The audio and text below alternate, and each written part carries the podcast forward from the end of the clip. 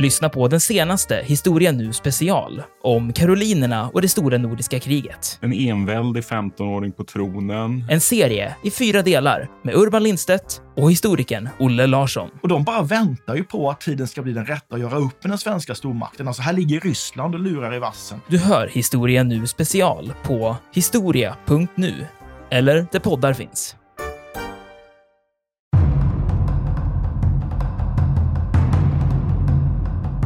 Marginallinjen som den nu byggs, den kommer ju i och för sig att kunna skydda också en eventuell liksom uppmarsch och förberedelse för ett motanfall också. Så att den, den funktionen fanns ju också som den nu kom att byggas. Men, men sen fanns det ju faktiskt ytterligare en som gick ännu lite längre och det var ju faktiskt de Gaulle som inte ville ha den här fästningen. Han sa att fästningen kan inte anfalla menade han, utan han ville ju istället ha, han gick ju så långt så han ville ju till och med inte ens ha en värnpliktsarmé utan han ville ju ha en yrkesarmé och han ville ju satsa på pan pansar och sådana saker. Det som tyskarna genomför, det, det tänkte de Gaulle i teorin.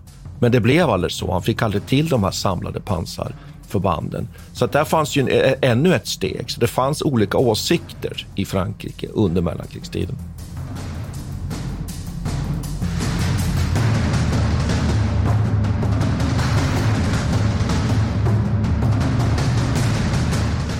Militärhistoriepodden är podden om krig med människor och samhället i fokus. Programledare är Martin Hårdstedt, professor i historia vid Umeå universitet och Peter Bennesved, doktor i idéhistoria. Podden ges ut av förlaget Historiska Media. Stöd gärna MH-podden via vårt swishnummer 123 610 76 68. Märk betalningen med MH-podden.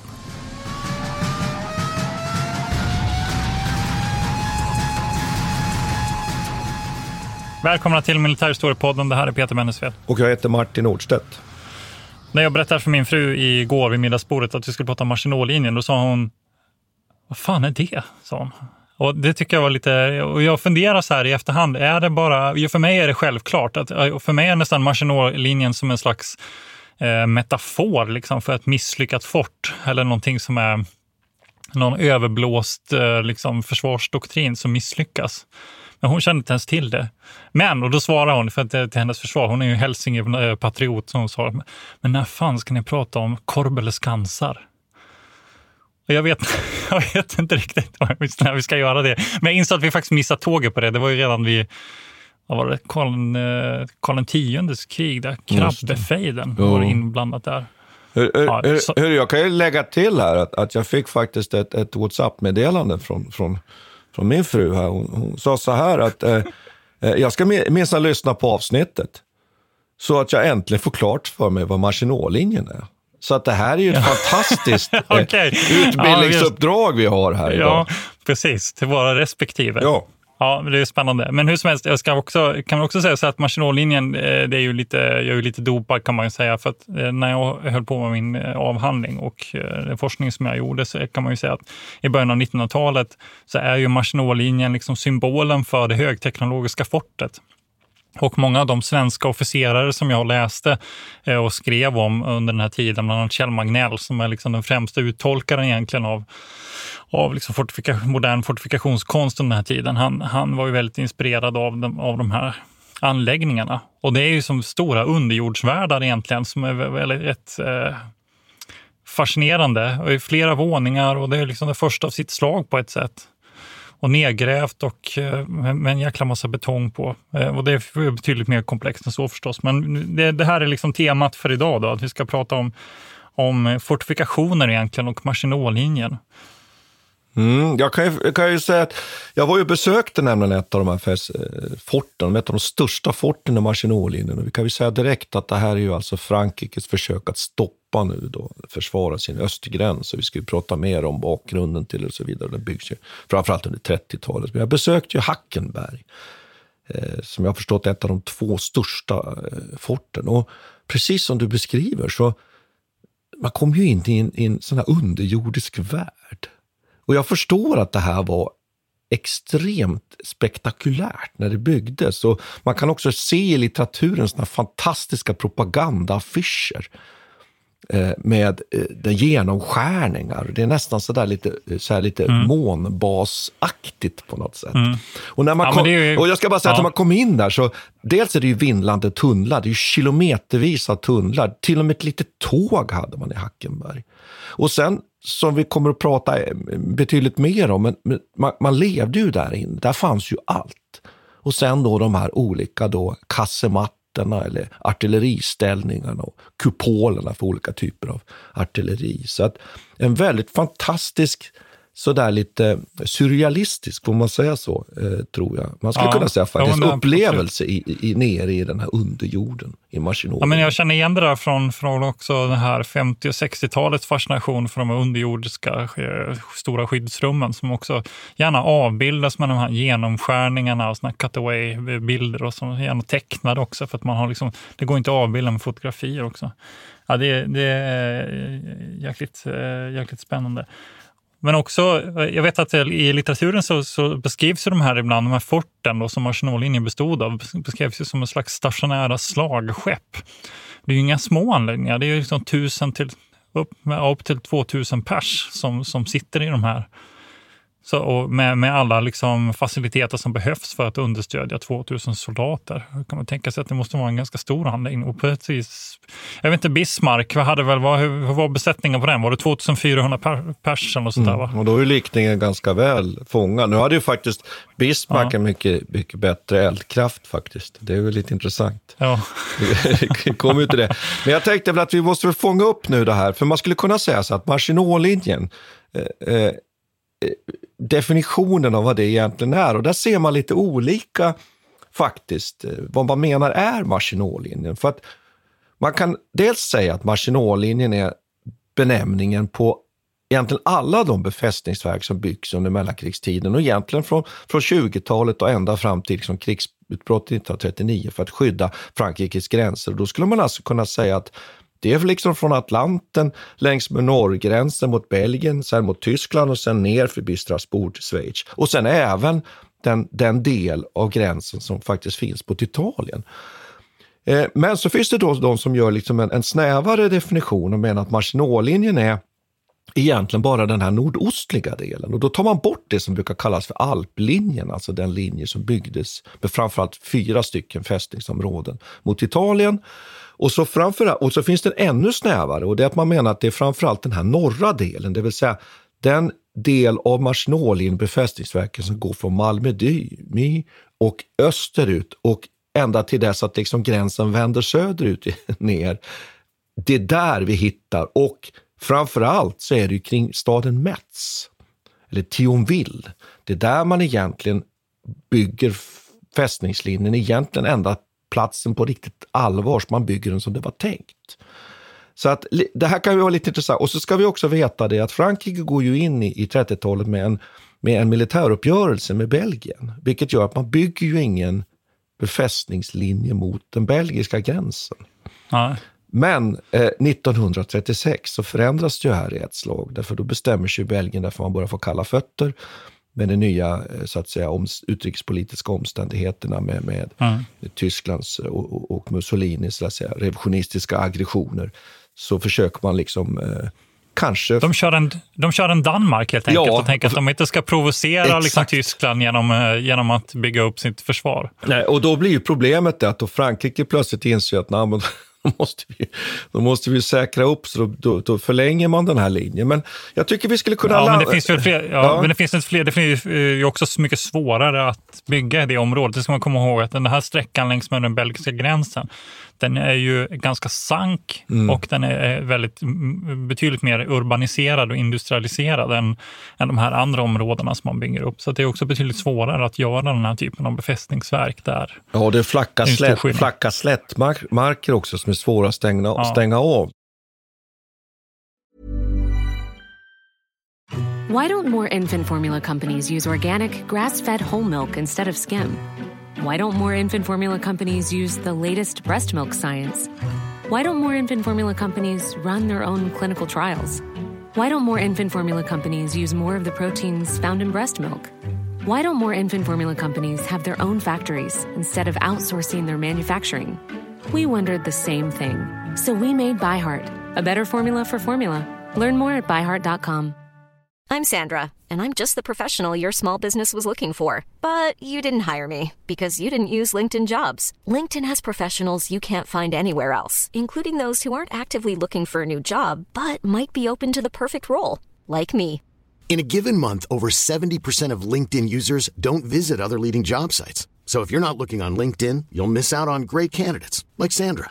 Start hiring professionals like a professional. Post your free job on linkedin.com/people slash people today.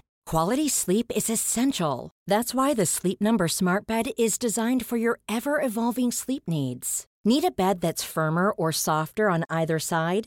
Helps you sleep at a comfortable temperature? Sleep Number Smart Beds let you individualize your comfort so you sleep better together. JD Power ranks Sleep Number number 1 in customer satisfaction with mattresses purchased in-store. And now, save 50% on the Sleep Number limited edition Smart Bed for a limited time. For JD Power 2023 award information, visit jdpower.com/awards. Only at a Sleep Number store or sleepnumber.com. Jag tycker vi ska börja lite i första världskriget. Alltså varför satsar man på att bygga en befästningslinje då? Att den heter Maginotlinjen beror ju på att den ju postumt sen då benämns efter den här krigshjälten och den som ju är eh, krigsminister när den byggs då. Maginot. Eh, och han dör ju eh, 1932 då, men sen kommer det då att benämnas Maginotlinjen, så där har vi namnet. Men varför bygger man en en som du säger, vad var det du sa, nedgrävda slagskepp längs med östgränsen. Ja. Varför gör man det? Eh, borde det här inte ha varit så att säga helt ute? Vi vet ju sen att det är ju tyskarna vinner kriget på, i den operativa rörligheten, den taktiska rörligheten. Hur tänker man i Frankrike? Det, det där är väl, tycker jag, det, det, vi borde ha som utgångspunkt här. Att man är chockad, ja. i, man är chockad i Frankrike efter kriget. Jag har ett svar Martin, ja, ska jag säga. Kör!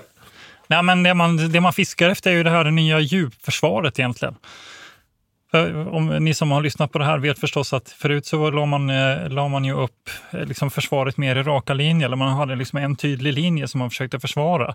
Men under första världskriget blev det ganska tydligt att de här inte höll, utan de blev ganska lätt, eh, ganska lätt genombrott i det. Och mot, framförallt så brukar man ta upp den här tyska Siegfriedlinjen som det första exemplet på en riktigt så tydligt djupförsvar, där man helt enkelt försöker, alltså försvarslinjen är betydligt bredare med flera olika punkter och längst ytterst mot motståndaren så har man ett antal utposter egentligen som mer som fungerar som en slags eh, observationstorn eller man ska liksom observera och se var fienden kommer.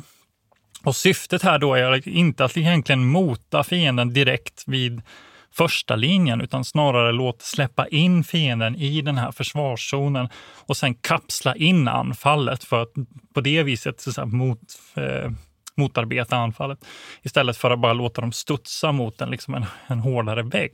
Och Maginotlinjen är ju uppbyggd precis på det här sättet. Den är ju flera kilometer djup egentligen och den yttersta linjen mot Tyskland består ju av så här blockhus och mm. observationsposter. Små bunkrar. För, uh, ut, ja. ja. små bunkrar som egentligen bara är där för att, så att säga, se vart fienden kommer och för att obstruera frammarschen på olika vis, med, kanske med mineringar och sen så lite längre in så har man mycket så här tankhinder. Eh, och sen så mot slutet så har man de här stora forten då som är eh, uppbyggda med ett visst eh, med liksom avstånd emellan. Och syftet är ju då helt inte att liksom skapa en mur utan snarare ha under, alltså understödspunkter där man sen kan göra kontraanfall mot en ankommande fiende emellan. Och så att mm. Infanteriet måste också samarbeta med de här forten. Så det är liksom en, ett nytt koncept kan man säga. En, en, eh, och, och den här principen bygger man ju upp över hela världen egentligen. Det är ju,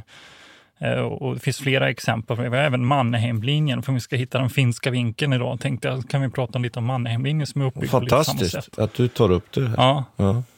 Och även Singapore också, mm. har ju, som vi bara för något avsnitt sedan har pratat mm. om, har ju också uppbyggt på ett, på, på ett liknande sätt. Men jag skulle, så det är det här som är... Ja, så fort, fortsätt ja, jag, Man kan ju komplettera att de här fästningarna också skulle kunna understödja varandra. Det är viktigt här. Man har då ett 135 mm artilleri då, som kunde skjuta lite längre. Annars är det ju framför allt den här 75 mm kanonen, fältkanonen, som är så framgångsrik under första världskriget, som egentligen finns i Maginotlinjens fasta beväpning.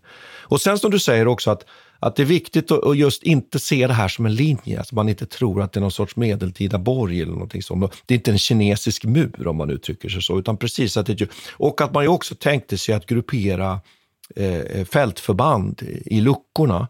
Och sen också att det faktiskt finns någonting bakom eh, Maginot-linjen också. Att där finns ju underhållsutrymmen, det finns vilobunkrar, det finns ammunitionsdepåer och så vidare. Eh, och faktiskt är det så att eh, de som tjänstgjorde nere i Maginot-linjen, de behövde ju få komma ut i luften också, så därför hade man ju ofta förläggningsanläggningar utanför fästningen. Ja, det. det. är ganska spännande. Bakåt, bakåt, bakåt ja.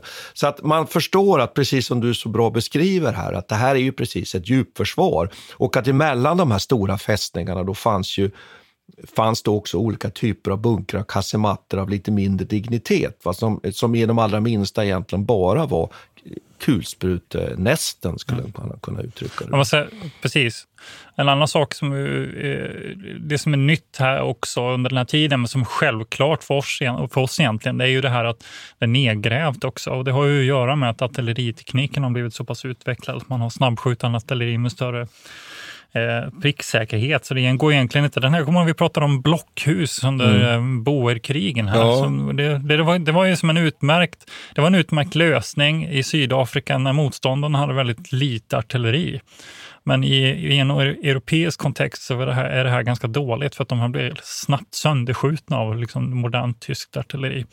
Så hela syftet med det här var ju att, att säga, skydda från artilleriet genom att bara gräva ner det och hälla väldigt mycket betong över. Ja, enorma mängder får man uttrycka sig. Ja. Det är ju hiskliga mängder. Eh, några av de här forten, det är så mycket betong i de här forten så att man har kunnat bygga ett liksom mindre bost, ett större bostadsområde med samma betongmängd. så att säga. Sen tycker jag det är viktigt att komma ihåg också att man faktiskt har pansarvärnskanoner här också. Och den här, den här bestyckningen som man har, då, till och med faktiskt då med, med sådana kalibrar över 40 millimeter, Eh, och annars är det ju oftast kalibrar som ligger någonstans mellan 20 och 30, alltså lite mindre. Men de kunde ju slå igenom alla de stridsvagnar som sattes in mot den här linjen och det är ju en självklarhet att man ville ju inte att pansar skulle penetrera Maginot-linjen, vilket ju hade kommit i slutet av första världskriget. Så att Maginot-linjen egentligen samlar väl upp alla de kan man kunna säga att man bygger här egentligen en fast, redan färdigetablerad lyxskyttegravslinje, skulle man kunna säga.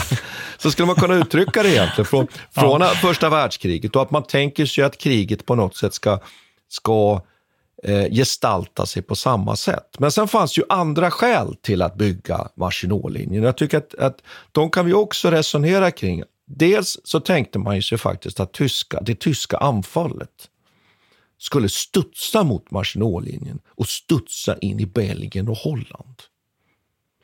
Och det var viktigt. För att man visste, ju, fransmännen visste att studsade anfallet, tyskarna hade under första världskriget undvikit egentligen att, att gå där de här fästningssystemen fanns. Nu är det där liten sanning med modifikation, för man bestämmer sig sen för att anfalla Verdun. Men, men man i alla fall, Schliffenplanen handlade ju om en, en, en kan man säga, en, en flank, en flankering, en flankmarsch genom Belgien för att komma runt de franska linjerna. Och där där hade man då sett att tyskarna kommer sannolikt att anfalla in där och då förstärker vi deras vilja att göra det. För om de anfaller in i Belgien och Holland, framförallt in i Belgien, då kommer Storbritannien komma med i kriget för att Storbritannien är Belgiens beskyddare. Och de har liksom löst också sin alliansfråga. Då behöver man inte tänka på vad britterna gör i händelse av ett krig, utan man får med britterna och man får med britternas åtminstone tio välutbildade eh, eh högklassiga yrkesdivisioner som kommer att, att kunna göra uppmarsch i Belgien och, och,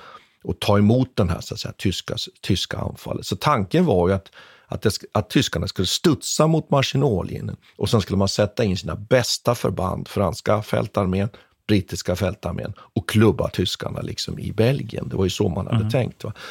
Så det, det, är en sån här idé. Och sen en annan sak som jag tycker här som vi måste ta upp, att jag nämnde det lite för, innan här, men jag kom lite av mig, just att man var ju chockad över första världskriget. Och man menar att man vill ju rädda liv den här gången nu.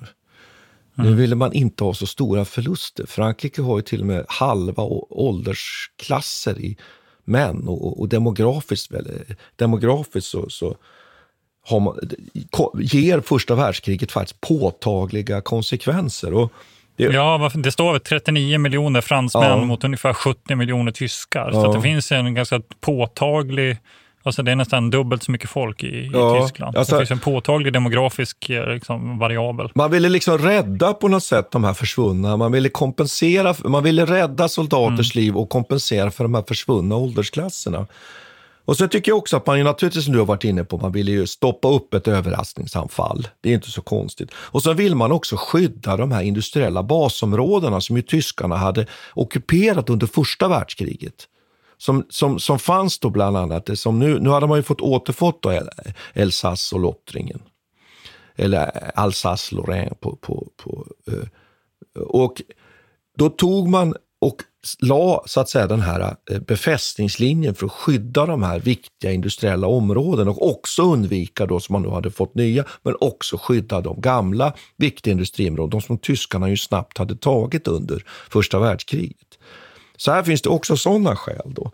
Men samtidigt så är det ju lite är det ologiskt. Det fanns ju de som inte ställde upp på det. Här var ju framförallt var det ju Petain marskalken som hade räddat Frankrike som genom sitt defensiva system och sitt hårdnackade utnötningsförsvar mm. bland annat Verdun hade ju räddat eh, nationen. Och han ville ju ha den här linjen. Men det fanns ju andra kritiker. ja, jag tänker han general Fock som, som förde fram en annan eh, eh strategi. Egentligen ägnade, alltså jag tänker att vi kan, om vi drar in renlandet lite i det här ja. också. Jag tycker mm. vi, för, vi, för, det nu, för det blir ju intressant här nu. Vi ska komma ihåg, nu ska lyssna komma ihåg att, att fram, till, fram till 1925 så har alltså Frankrike soldater posterade i renlandet, alltså på tysk mark egentligen. Och det är som en slags garanti för att Tyskland ska genomföra de här eh, eh, Versaillesfreden, de olika punkterna där. Man har det som en slags garanti, för, för så fort de skulle bryta med det så har Frankrike en möjlighet att slå in på, på det tyska livet. Så att säga. Och men 1925 efter Locarno Eh, Locarno-konventionen så bestämmer man sig för att Tyskland har uppfyllt alla sina åtaganden och, och därför så bestämmer man sig för att man ska dra tillbaka de här eh, franska soldaterna från, det är den här liksom avmilitariseringen av renlandet som man brukar prata om. Och Det betyder ju också att Frankrike förlorar sin sin, eh, sitt övertag här och då vill man ersätta det med någonting. Men det är ju hela tiden så att man från fransk sida tänker sig att ett sätt att, att stävja Tyskland är att, är att ta tillbaka de här områdena. Och då är det ju några av de här personerna, bland annat Fock, då, som, som eh, vill att man ska istället för att bygga en sån här kom, kompakt linje så ska man då istället ha defensiva stödjepunkter som ska underlätta ett anfall, en offensiv, en slags strategisk offensiv istället över det här området in mot renlandet. Och det är det man egentligen konkurrerar eller diskuterar då fram och tillbaka. Men jag vet inte, det är klart, du, du nämnde innan, det är klart att det är svårt att kämpa emot en person som Petain som jo. har en sån symbolisk liksom, politisk makt egentligen i, ja. i franska mellankrigstiden. Ja. Och så kan man ju säga att Maginotlinjen som den nu byggs, den kommer ju i och för sig att kunna skydda också en eventuell liksom, uppmarsch och förberedelse för ett motanfall också. Så att den, den funktionen fanns ju också som den nu kom att byggas. Men men sen fanns det ju faktiskt ytterligare en som gick ännu lite längre och det var ju faktiskt de Gaulle som inte ville ha den här fästningen. Han ja, sa att fästningen kan inte anfalla, menade han, utan han ville ju istället ha, han gick ju så långt så han ville ju till och med inte ens ha en värnpliktsarmé, utan han ville ju ha en yrkesarmé och han ville ju satsa på pan, pansar och sådana saker. Det som tyskarna genomför, det, det tänkte de Gaulle i teorin. Men det blev aldrig så. Han fick aldrig till de här samlade pansar förbanden. Så att där fanns ju en, ännu ett steg. Så det fanns olika mm. åsikter i Frankrike under mellankrigstiden. Why don't more infant formula companies use organic grass-fed whole milk instead of skim? Why don't more infant formula companies use the latest breast milk science? Why don't more infant formula companies run their own clinical trials? Why don't more infant formula companies use more of the proteins found in breast milk? Why don't more infant formula companies have their own factories instead of outsourcing their manufacturing? We wondered the same thing. So we made ByHeart, a better formula for formula. Learn more at byheart.com. One size fits all seemed like a good idea for clothes. Nice dress. Uh, it's a it's a t-shirt. Until you tried it on. Same goes for your health care. That's why United Healthcare offers a variety of flexible, budget friendly coverage for medical, vision, dental, and more. So, whether you're between jobs, coming off a parent's plan, or even missed open enrollment, you can find the plan that fits you best. Find out more about United Healthcare coverage at uh1.com. That's uh1.com. Millions of people have lost weight with personalized plans from Noom, like Evan, who can't stand salads and still lost 50 pounds. Salads, generally, for most people, are the easy button, right? For me, that wasn't an option. I never really was a salad guy. That's just not who I am. But Noom worked for me. Get your personalized plan today at Noom.com. Real Noom user compensated to provide their story. In four weeks, the typical Noom user can expect to lose one to two pounds per week. Individual results may vary. Vi hade gjort ett avsnitt om pacifismen för ett tag sedan och Ja. den franska pacifismen Ja. var ju väldigt levande under den här tiden. Och jag tycker att det där är en superspännande kontext, Mm. för det här är någonting som, som, är, som liknar liksom även den svenska situationen. Vi har ett nedrustningsbeslut 1925 i Sverige som var unikt i sitt slag, där man önskar sig att man ska gå liksom i bräschen för, för en, en allmän nedrustning i världen. Och, det, och det, där går liksom Per Albin och, eh, och Socialdemokraterna fram tillsammans med Liberalerna i Sverige. Och det, det här händer ju, det finns ju en liknande diskussion i Frankrike med väldigt många socialister och antimilitarister generellt sett som också driver en sån här linje. Så där kan man ju säga att, att ett sånt här mer defensivt projekt som Maginot-linjen blev, eller den här typen av mer defensiv attityd, var ju betydligt mer politiskt gångbart och kunde även samla stöd vänsterut faktiskt. Så det, det tror jag är en ganska avgörande faktor också, att man har liksom den här attityden i fransk politik, att man inte vill ge sig i kast med den här typen av krig igen, utan försöker istället eh, liksom, Ja, man, på, något vis, eh, på något vis är det ju att man accepterar sin underordnade roll i Europa också. Ja, på något, alltså, från att ha varit en kolonialmakt eh, och liksom den största militärmakten i, i, i Europa under en tid för inte så länge sedan, det är bara hundra år sedan egentligen som Napoleon har sprang runt över hela Europa. Så, så här, här är ju en ganska viktig brytpunkt där man bestämmer sig för att nu är den här offensiva eran slut. Liksom. Nu ska vi Eh, nu ska vi samla oss med bara, och, runt våra naturliga gränser egentligen. ja, jag vill bara hålla med dig och säga att förstärka det Ja. där. Att man ju liksom Gör det, all- håll med mig bara. Nej, men aldrig mer, aldrig mera krig. Det är ju den stämningen och att man ju, Ja. man ju liksom bantar ju ner eh, försvaret och man gör ju också förändringar av värnpliktsarmén och arméns organisation som egentligen blir väldigt olyckliga. Jag ska inte gå in på detaljerna, men det handlar ju om att man, man skapar ett system så när man sen mobiliserar den franska armén, då känner i stort sett ingen någon. Man har befäl som sprids ut och man är tvungen att egentligen öva den franska armén för att den överhuvudtaget så att säga, ska kunna fungera. Man, man bygger upp en väldigt ineffektiv egentligen system med, med förhållandet mellan liksom värnpliktiga, mellan reservister och mellan yrkes, yrkesfolk och att man dessutom övar armén väldigt dåligt. Och det är klart att den här Maginot-linjen blir som du säger det här defensiva projektet som det går att argumentera för. Jag tänkte bara ta några sådana här liksom, lite faktasaker. Att man börjar ju bygga en del av de här befästningarna redan under 20-talet. Det behöver vi inte orda så mycket om. Men den stora satsningen kom ju med de här kraftfulla eh, anslaget, budgetanslagen då från 1930. Och framförallt sen då, då den, den så att säga första vågen och det är ju Maginot, den här krigsministerns liksom verk om man uttrycker sig så. André Maginot. Ja, precis. Och då bygger man ju fram till 33 Mm. och sen kommer en andra puls då 1934 där, och det är ju efter eh, Hitlers maktövertagande 33 och när man ser att världen går mot kanske ett krig igen, tyvärr. Eh, och då satsar man på en, en ytterligare en ny våg och den förstärks ju ännu mer efter 36 då, 1936 när Belgien då, eh, övergår i sin neutralitet och man då börjar krampaktigt att liksom befästa även gränsen mot Belgien. Så att här har vi de här pulserna och egentligen då kan man ju säga att man lägger ner väldigt mycket pengar på det här kan man tycka, men för, för den franska nationen som sådan så var det inte egentligen så jättestora uppoffringar. Man kunde ha satsat ännu mer egentligen på den här försvarslinjen. Så att jag, jag, jag, jag tycker att, att det är viktigt att man, precis som du gör, att man kopplar ihop den här defensivtänkandet med någon form av militär mentalitet i Frankrike. Mm. Som du säger, att man räknar med att vara underhuggare, får man uttrycka sig så lite? Att, att man Mm. räknar med att man kommer stå och ta fighten och man är inte inställd på att åtminstone inte majoriteten av militärerna med några undantag då, inställd på att egentligen anfalla in i Tyskland. Och det visar sig ju också när kriget väl kommer. Man gör ju ingenting under, under Tysklands eh, Polenfälttåg. Det här som brukar kallas för låtsaskriget. Och det beror ju på att man, man måste öva sina förband. Man står ju och övar sina förband. Och man har inte egentligen kapaciteten att genomföra de offensiva företagen in i Tyskland. Då. Och tränar i Maginotlinjen. Det är ju sånt man sysslar med under det där låtsaskriget. Då. Alltså man får, får liksom få eh, ge lyssnarna en känsla av storskaligheten i det här projektet också. Det man, eh, det man bygger upp. Det tar ju nästan tio år för dem att göra det här. Men, men eh, ungefär 142 sådana här ouvrage, fort Art, liksom, större, art, art, större artillerifort. Ja, som är, mm. och, och, ungefär 20 av dem är av lite större mått, ja, som är hack, tusen personer ja, och mer. Som Hackenberg som jag besökte till exempel. Ja, mm.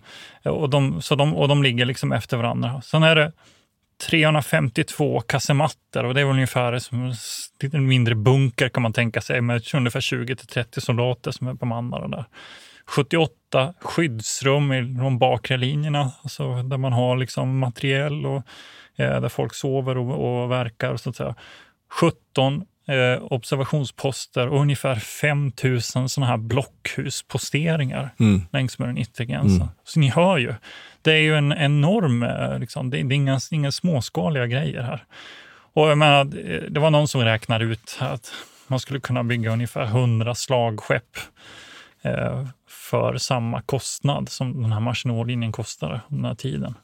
Sen är siffrorna, liksom, det går inte, de är inte tillförlitliga. Det finns en hel del olika, så här, se så många miljarder pund och hit och dit. Va? Men det, det är, de är inte riktigt tillförlitliga och det är så svårt att räkna ut också eh, i alla olika led och hur mycket pengar som har gått åt här. Men man kan ju konstatera att det här är ju en tid då man i alla, i alla fall i på fransk sida går plus i ekonomin, så man har möjligheten att göra det.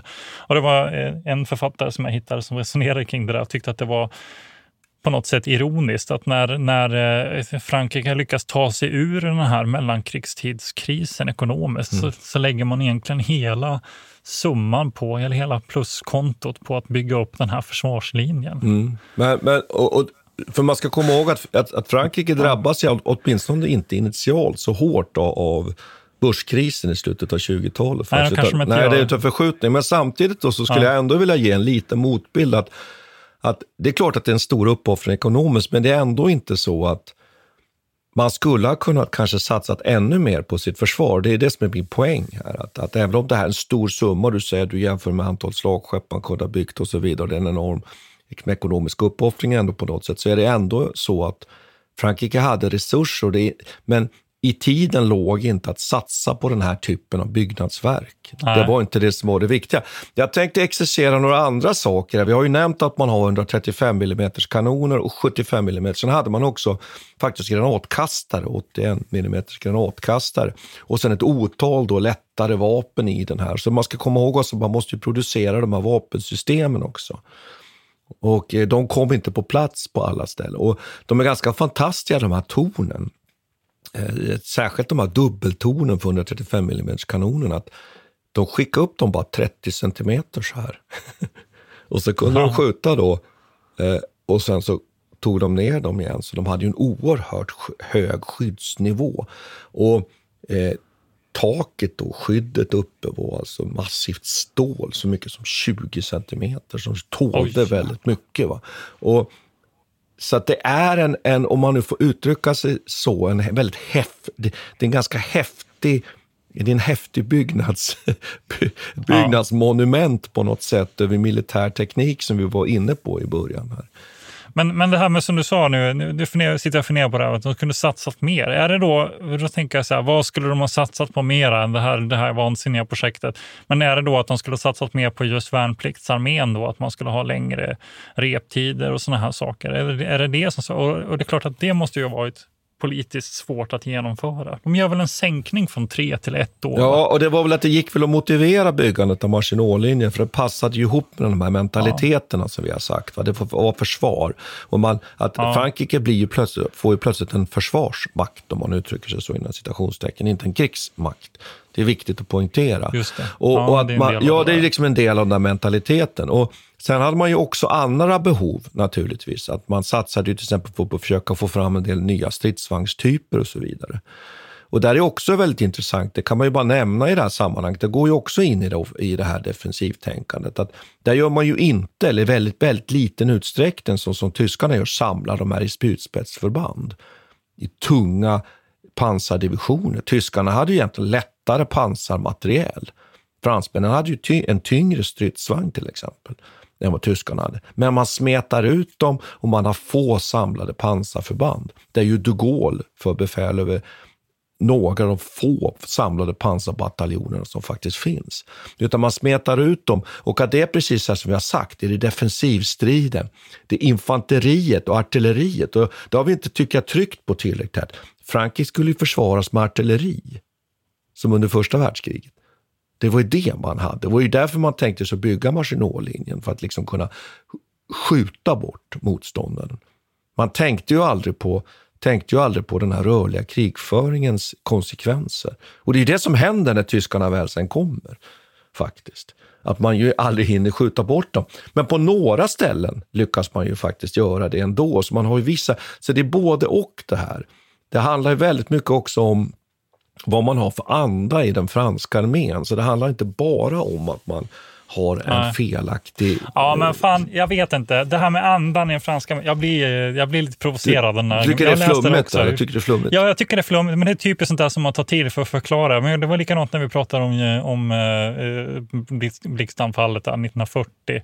Maj 40, Och. Guderian. Ja. Och liksom, ja, men eh, det drabbas, nog drabbas av panik och bla bla bla. bla. Mm. Och vi har ju flera tillfällen också pratat om det där att eh, ha en dålig moral och sånt. Jag tycker det där, det där är... Jag vet inte. De klarar, ju sig, de klarar ju att försvara sig under första världskriget. Varför skulle andan vara så himla liksom, avgörande i det här fallet? Varför skulle nu plötsligt andan vara eh, så mycket sämre? Jag vet inte. Jag är lite djävulens advokat här, men jag blir alltid provocerad med Mm. den här typen av argument. Nej, men jag, jag kan ju hålla med Jag om tror att det finns. Men jag, jag tror att det, jag, min uppfattning är ju att, att man, om man tänker sig det defensivt, och sen också mot bakgrund som jag pratade om, att man har en armé som liksom inte egentligen övar. Och, ja. och som ja, är men dåligt. framförallt det tänker jag måste vara jätteviktigt. Ja, det, det håller jag med. Och sen är det så här, vi ska inte gå in på det, för det har vi, har vi spelat in ett, avstånd, ett avsnitt om. Men det är ju så att tyskarnas anfall kom ju mitt emellan Maginotlinjen och den franska och brittiska fältarmén och går genom Ardennerna över floden Mös och genombrottet kom ju vid Sedan den 15 maj och sådär. Och där står ju andra rangens egentligen franska förband.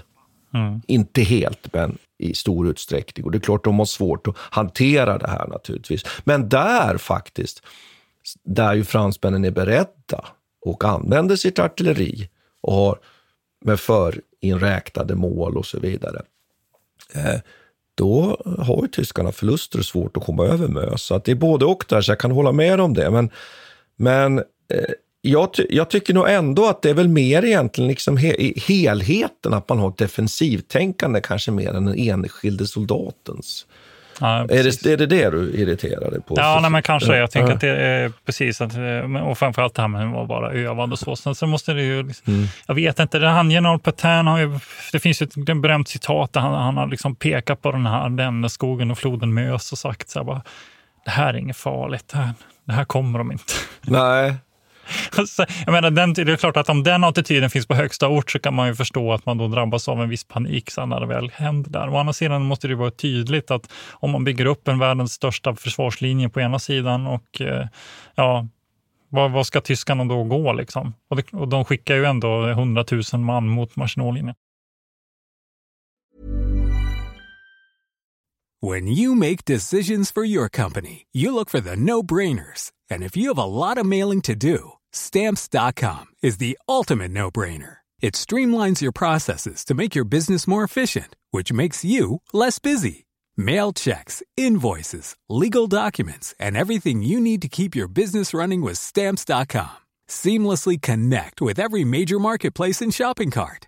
Schedule package pickups and see your cheapest and fastest shipping options from different carriers with rates up to 89% off USPS and UPS rates. And with the stamps.com mobile app, you can take care of mailing and shipping wherever you are. Make the same no-brainer decision as over 1 million other businesses with stamps.com. Sign up with Code Program for a four week trial, plus free postage and a free digital scale. No long term commitments or contracts. That's stamps.com. Code Program. Traffic jams, tailgating, pileups. Ugh, the joys of driving. How could it get worse? The federal government wants to have a say in what you drive. That's right. The Biden administration's EPA is pushing mandates that would ban two out of every three vehicles on the road today. Don't let Washington become your backseat driver. Protect the freedom of driving your way. Visit EnergyCitizens.org. Paid for by the American Petroleum Institute.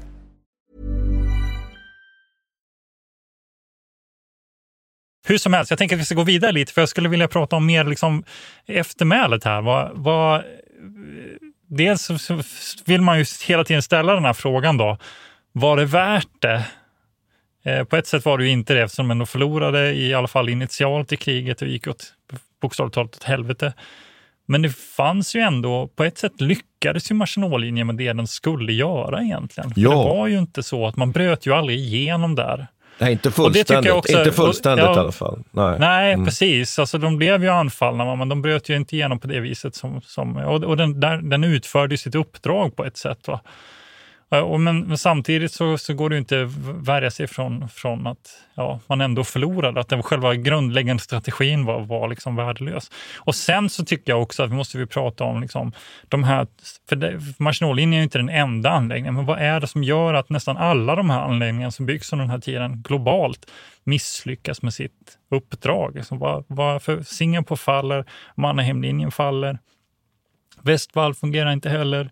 Menar, eh, och, och det här som om Atlantvallen som man också som tyskarna bygger upp sen under slutet av 40-talet, eller mitten av 40-talet, den, det faller ju också. Man klarar inte av, liksom, de här fungerar inte. Nej, och jag kan ju Vad är det som gör det då? Nej, får jag bara nämna också de belgiska Ja. gränsforsen, Eben MAL, som jag faktiskt besökte bara för några veckor sedan, Exakt. med gränsfästningar. Samma sak där. Och, och det, det kanske vi inte ska prata så mycket mer om, men, men jag håller med om det. Och det. Det har ju att göra med något grundläggande med krigföringen här. Och det, det, att Maginotlinjen har ju eld, men den har inte vad då Peter? Den har inte rörelse. Och det där är sådana två fundament i, i krigföringen som på något sätt, under första världskriget så får man liksom stopp på den där rörelsen om man uttrycker sig så. Eh, genom de här eh, köttiga linjerna med djup och så vidare, och artilleriet och tanktråden. Men tyskarna luckrar ju upp det där genom att ju börja lära sig att anfalla där man är svagast. Jag besökte Somme för, för, för ett antal veckor också sen.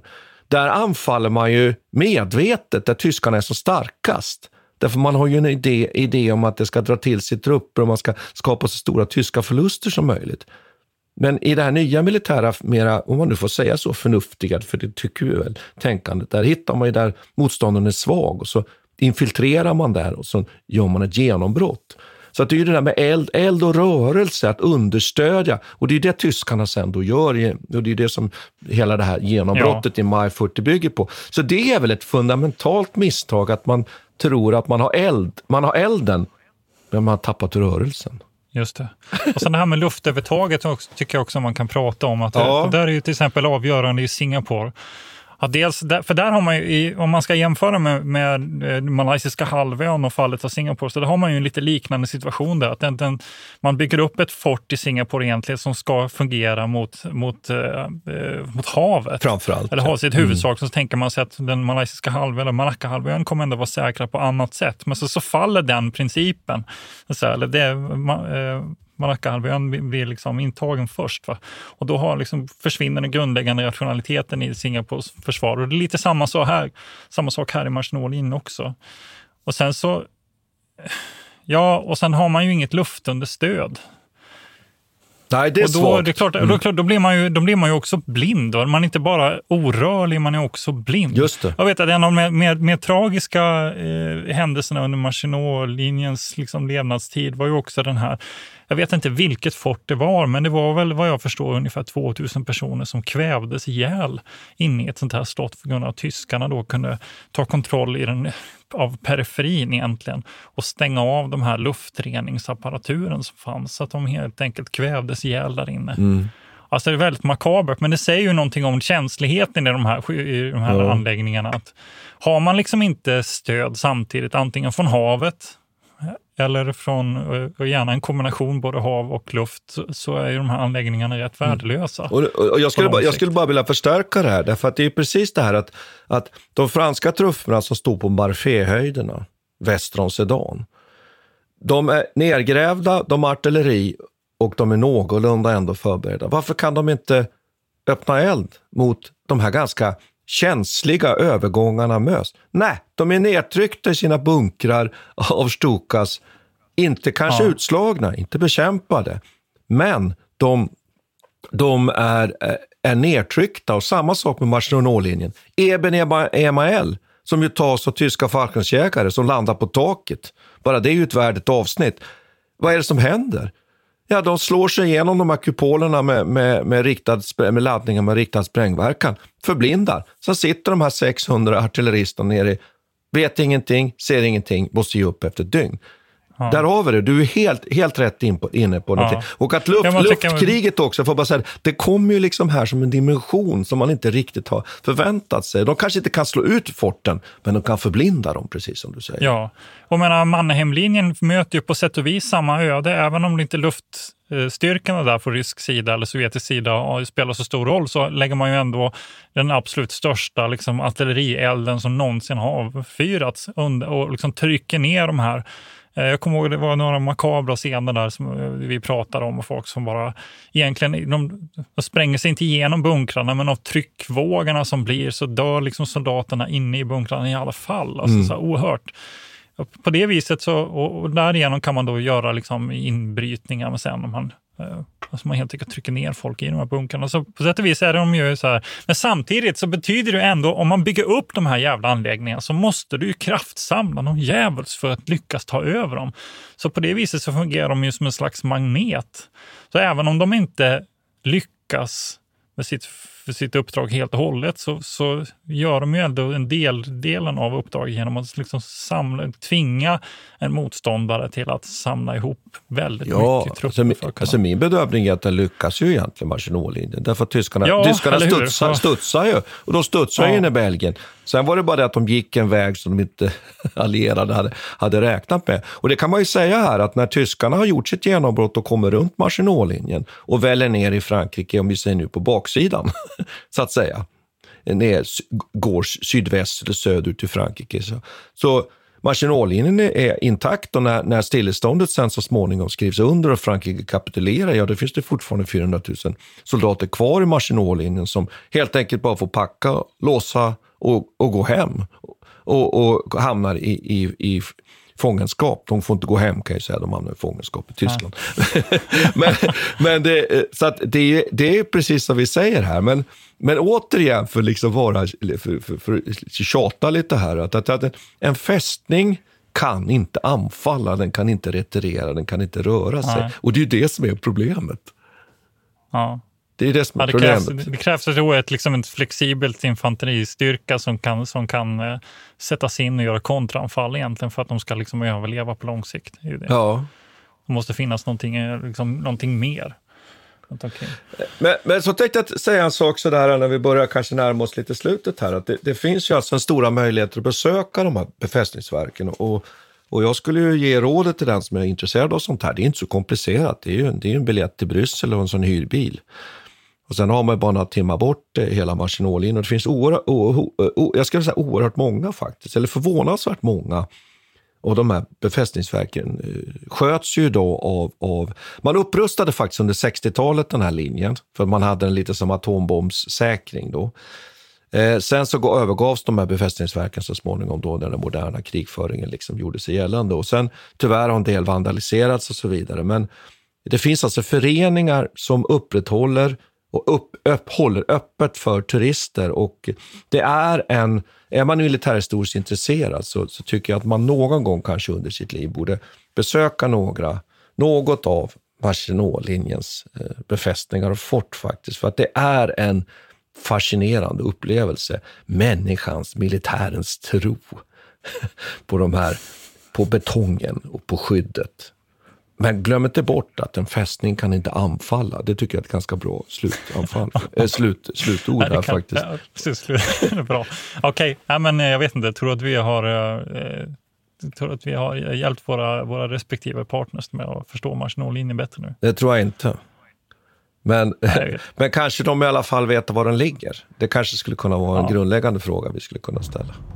Och så får jag väl, vi får ta Korbel och Skansen någon gång. Det får vi göra, absolut. Det får ja. vi återkomma till. Så vi får väl tacka för idag med orden tack ska vi ha. Ja, tack ska vi ha. Vi tackar Peter Bennesved och Martin Hårdstedt. Kontakta gärna Militärhistoriepodden via mail på militarhistoriepodden historia.nu. Peter och Martin vill gärna få in synpunkter och förslag till programidéer.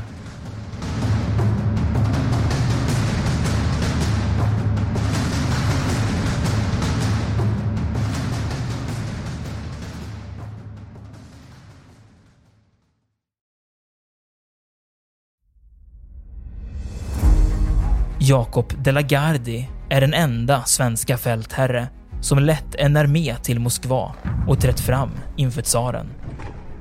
Bedriften gjorde honom till en av 1600-talets största befälhavare. Moskvas erövrare är den första biografin över Jakob de la Gardie, en av stormaktstidens portalfigurer. Historikern Peter Ullgren följer hans stormiga bana från den föräldralösa barndomen vid 1500-talets slut till maktens topp och den mullrande statsbegravningen i Stockholm 1652. Moskvas erövrare är utgiven av förlaget Historiska Media. Ljudboken finns tillgänglig hos streamingtjänster som Bookbeat, Storytel och Nextory. Beställ den fysiska boken på förlagets hemsida historiskamedia.se eller köp den i en bokhandel nära dig.